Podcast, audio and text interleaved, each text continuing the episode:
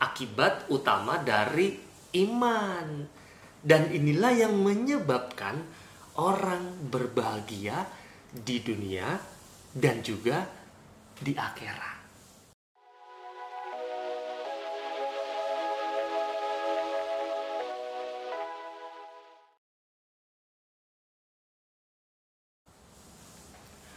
Halo, saya Romo Gandhi. Kita ketemu lagi dalam cerita Mogan. Pembahasan cerita kali ini itu berasal dari pertanyaan umat juga. Apakah gereja itu mengakui karunia penyembuhan apa tidak? Gereja mengakui nggak sih karunia penyembuhan atau tidak? Nah, bagaimana kita orang Katolik itu mendakapinya? Bagaimana kita orang Katolik untuk menanggapi hal tersebut? Maka di awal saya mau menegaskan dalam uraian Santo Paulus dalam 1 Korintus 12 1 sampai dengan 11 disebutkan ada macam-macam karunia dan salah satunya ialah karunia penyembuhan.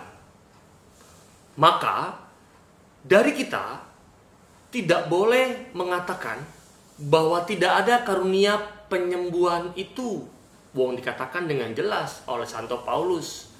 Dikatakan oleh Rasul Paulus bahwa itu pekerjaan Roh Kudus. 1 Korintus 12 ayat 7. Jadi, karunia demikian dikatakan juga untuk gereja dalam pelayanannya. Karunia penyembuhan itu untuk gereja dalam pelayanannya. Tanda kurung ya, untuk gereja dalam pelayanannya.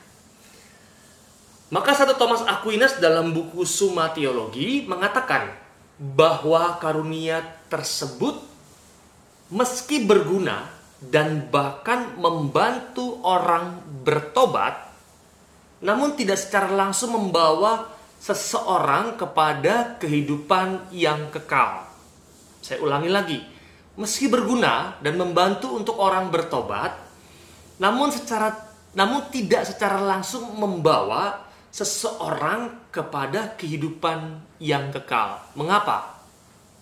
Karena rahmat pengudusan yang tidak lain adalah Allah Tritunggal sendiri yang hadir dalam jiwa manusia dan diterima saat baptisan dan karunia cinta kasih yang membuat orang langsung berhubungan dengan Allah dan kehidupan kekal. Rahmat pengudusan dan karunia cinta kasih yang membuat orang berhubungan dengan Allah dan kehidupan kekal. Dan ini sejalan dengan apa yang dikatakan oleh Rasul Paulus bahwa karunia terbesar adalah ya betul, iman, harapan dan kasih. Karunia terbesar adalah iman, harapan dan kasih dan tiga karunia itu adalah karunia dari atas atau dicurahkan terutama dalam sakramen baptis. Dan Paulus mengatakan lebih lanjut yang terbesar dari ketiganya adalah ya, betul juga yaitu kasih. Tegaskan dalam 1 Korintus 13 ayat 13. Maka dari itu ada dua ekstrim yang harusnya kita hindari. Ekstrim yang pertama adalah kita tidak percaya ada karunia penyembuhan dan ini ekstrim yang salah. Mukjizat dan penyembuhan itu ada. Dan ekstrim yang kedua yang harus dihindari adalah terlalu percaya dan mencari mukjizat itu bahkan seolah-olah mukjizat-mukjizat itu tanda kebenaran iman menurut pikiran dan rasa perasaan kita. Nah, bahayanya adalah gini kita bukan mencari Tuhan yang memberikan karunia itu, tetapi mencari karunia itu semata-mata saja. Dan di sinilah kadangkala iblis berkedok menjadi malaikat yang hadir dan menipu seolah-olah ada ilmu putih. Masalah ilmu putih dan ilmu hitam itu sudah saya bahas dalam cerita yang sebelumnya. Ditonton ya.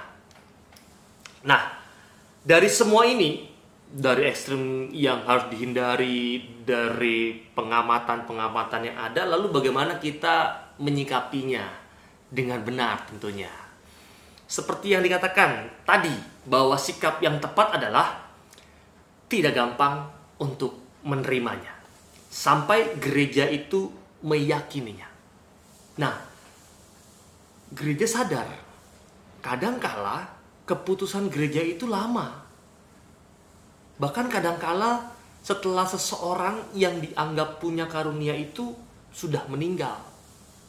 Namun satu pegangan yang pasti dari semua itu adanya koordinasi dengan imam dan pembimbing rohani. Dan inilah yang menjadi tugas berat dan tanggung jawab dari para pembimbing rohani atau imam mendampingi mereka. Dan mereka harus para imam juga harus terus belajar dan terus-menerus mengerti akan hal ini. Dan saya pun juga harus terus-menerus belajar akan hal ini. Maka janganlah meremehkan masalah kecil apa pun. Karena ternyata sering kali masalah yang dianggap remeh-temeh belum tentu bagi umat. Jangan-jangan yang dianggap remeh-temeh oleh para imam itu juga menjadi jangan-jangan menjadi sebuah masalah yang paling penting bagi umat. Ini bahkan sering kali menjadi penghalang untuk kesucian umat dan imam dalam pelayanan. Maka hendaklah berani belajar dan bersikap karena tahu dan bukan karena meremehkan atau emosi. Ini catatan bagi saya sebagai imam dan juga semua imam yang ada. Ditambah lagi ada sebuah fenomena yang lebih dalam, yaitu adanya Nah ini ketertarikan umat zaman sekarang akan hal-hal yang luar biasa, akan hal-hal yang dianggap spektakuler, serta harus melihat doa dan iman secara nyata dan kelihatan. Ini ada fenomena nih, bahwa semua ketertarikan itu adalah hal-hal yang spektakuler dan iman dan doa itu harus dilihat secara nyata dan kelihatan. Di sini tidak dikatakan iman tidak kelihatan hasil atau tidak ada efeknya. Iman mempunyai efek yang nyata dalam hidup cinta kasih atau keutamaan. Maka semakin orang mencintai sesama dan Allah, itulah akibat utama dari iman dan inilah yang menyebabkan orang berbahagia di dunia dan juga di akhirat. Iman itu bukan tanpa kelihatan hasil atau tidak ada efeknya, ada efeknya. Maka ini bukan soal karena mukjizat yang nyata atau hal-hal yang spektakuler. Lalu pertanyaan pertanyaan yang menarik yang juga bisa jadi kekuatan akan penjelasan kali ini adalah gini. Lalu orang-orang kudus itu spektakulerkah dalam hidupnya? Nah itu. Atau Bunda Maria pernahkah membuat mukjizat dalam hidupnya? Pertanyaan yang juga sebenarnya menjadi kekuatan untuk penjelasan kali ini.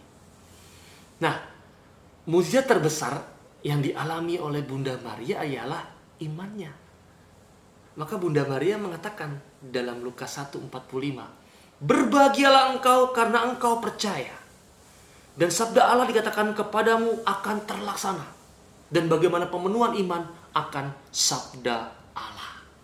Maka pesannya yang bisa kita tarik adalah gini.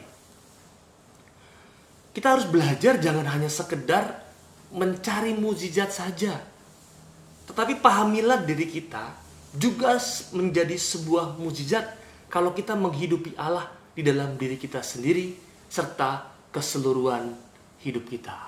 Saya ulang pesan dari pembahasan kali ini. Kita harus belajar jangan hanya sekedar mencari mukjizat saja. Tetapi juga kita harus memahami diri kita juga sebuah mukjizat. Diri kita adalah mukjizat. Kalau apa? Kalau kita juga menghidupi Allah dalam diri kita serta seluruh kehidupan kita. Seperti Bunda Maria dan para kudus yang lainnya. Semoga terbantu dalam pembahasan kita kali ini. Jangan takut.